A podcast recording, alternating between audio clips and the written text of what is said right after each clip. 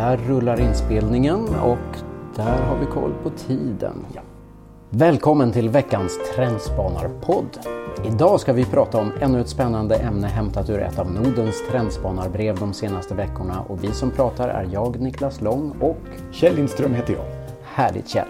Ämnet den här veckan det har vi hämtat från en artikel i VD-tidningen som handlar om att varannan ledningsgrupp brister i IT-kompetens. Berätta Kjell, vad, vad, handlar det här om? Ja, det är ju ledningsgruppsfrågan som ju är, är ju när och kär naturligtvis. Och den säger så här att det finns stora utmaningar för digitalisering i Sverige. Det visar en undersökning av 400 IT-chefer från privat och offentlig sektor. Bland annat upplever IT-cheferna att varannan ledningsgrupp brister i IT-kompetens, säger man. Eh, och det här tycker jag lyfter upp en eh, en fråga som, en roll i organisationen som, som ju faktiskt är viktig men som man kanske inte riktigt har belyst. Och det är ju just ledningsgruppen. Ledningsgruppens mm. roll, ledningsgruppens funktion.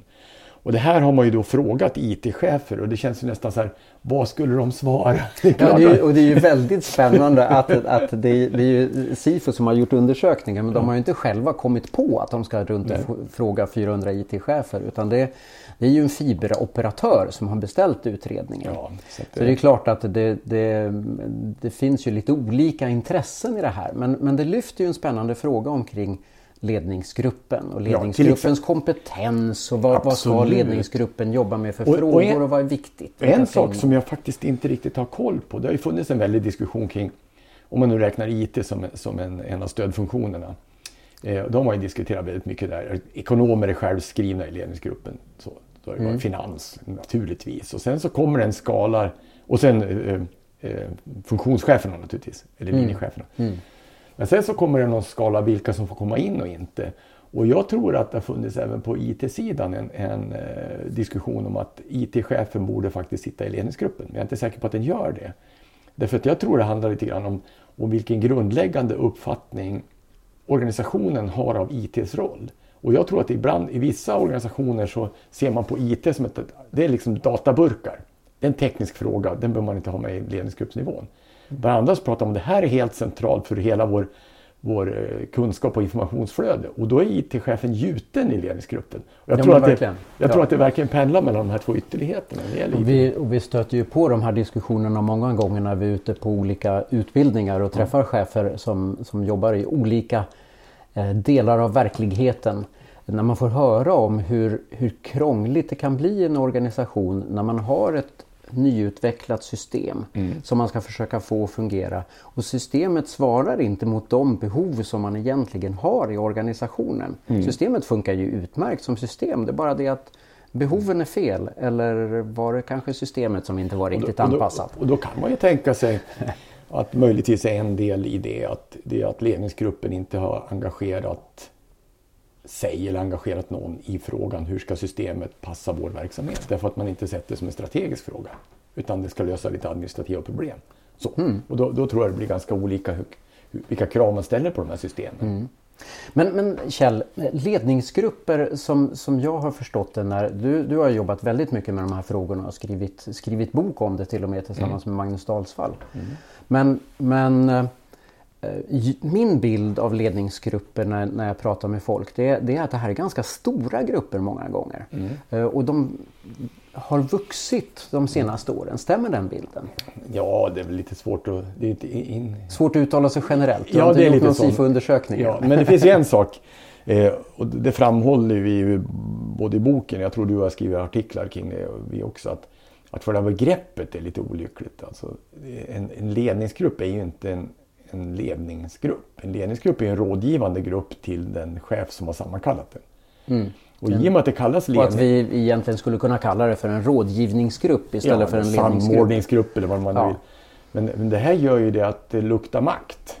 Mm. Man vill gärna sitta i ledningsgruppen för där finns det makt. Och det här tror jag att kan leda till att i vissa organisationer så blir ledningsgruppen ganska stor därför att alla som tycker att de vill ha makt vill vara med där och kanske lobbar för det. Mm. Eh, hade man däremot kallat det rådgivningsgrupp så tror jag att det blir ganska mer, mer självklart att man plockar in de som har råd att ge i de aktuella frågorna. Ja. Och, det skulle kunna och då skulle lösa... gruppen kunna bli väldigt mycket mer flexibel och lösa, lösa, göra storleken mer hanterlig. Och de här IT-cheferna får en känsla av, de, eh, när de svarar på frågan, utan att känna 400 IT-chefer så tänker jag mig att de, de vill in i den här maktsfären. Mm. Eh, vilket kan vara knepigare då ifall de inte redan sitter där. Men, men däremot att vara rådgivare till högst, de högsta organen för att diskutera IT-frågor. Det bör man ju kunna ordna mm. vilken organisation som helst. Och då ska den här frågan liksom inte vara så särskilt mycket att diskutera sen. Så mm. jag tror att ett, ett grundproblem är att vi betraktar, eller många betraktar ledningsgruppen som ett ledningsfunktion där makten där besluten fattas, fattas. genom demokratisk omröstning i ja, ledningsgruppen. ja. ja, man befinner sig där det ja. strategiska samtalet och ja. man fattar besluten. Medan det egentligen handlar om en rådgivningsgrupp och då skulle, tror jag man skulle hantera ledningsgrupper överhuvudtaget på ett lite annorlunda sätt. Mm. Mm. Eh, och, och sen finns det ju en annan, och i och med det här med makt va, så ser vi att eh, olika grupperingar har, har eh, eh jobbat rätt hårt för att komma in i den här maktsfären. Och de som har lyckats bäst är ju ekonomer.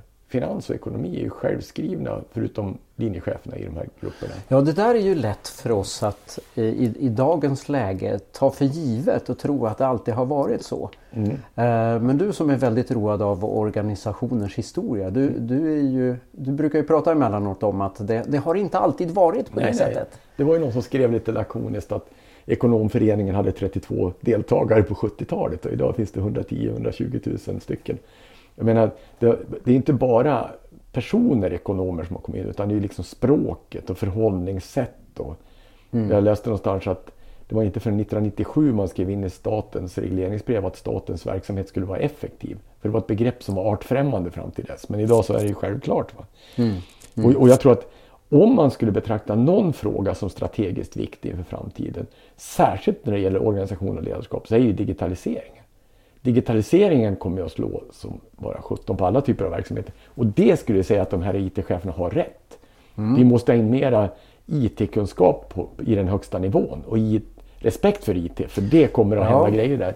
Om det inte redan har hänt så att säga. Ja, och det, det här är ju jättespännande för om man nu liksom höjer blicken lite grann och försöker se framåt ännu längre och ska försöka uttala sig lite profetiskt här ja. Kjell.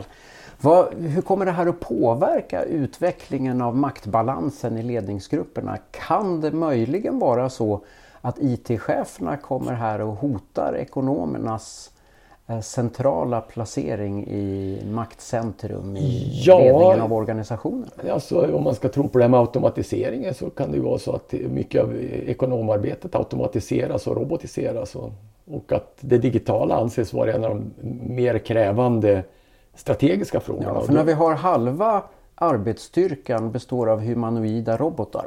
Mm vem, vem kommer åt dem om inte IT-chefen? Ja, ja, hur kommer detta att påverka HR? Ja. Jag tror Be behöver vi också ha Human Relations? Behöver vi ha RR, Robot Relations? Ja, det är bra frågor. Alltså, och, och, och, jag menar, som, som en liten avrundning på den här diskussionen, om vi tänker vi lyfter det till ledningsgruppens framtid lite grann. Ja. Så tror jag att själva ledningsgruppsidén som vi känner den idag, att det är en tight grupp på 8-10 personer som sitter i en hierarki, toppen på hierarki som under längre tid skapar tillit och så. Mm. Och som det, har full koll på läget, kunskapsövertag, ja. de vet mest bäst om allt. Ja, och de har kontroll över informationsflödena. Ja.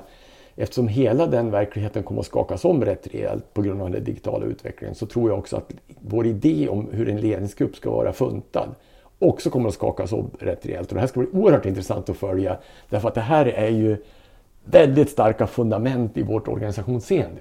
Och det kommer att bli väldigt hårt utmanande de senaste tio åren så att jag är glad över att få följa det här. Jag är inte riktigt lika glad över att alla som jobbar i ledningsgrupper är så belåtna. Vi får se. Spännande fortsättning Spännande följer. fortsättning följer. Helt klart. Tycker du att det är intressant med omvärldsförändringar, trendspaningar och framtidsfrågor? Vi vill påminna om att det är gratis att prenumerera på Nordens trendspaningsbrev som kommer varje fredag, lagom till morgonfikat. Du kan också anmäla dig till Facebookgruppen Nordens trendspanarnätverk. Där diskuterar vi nya trender hela tiden. Välkommen!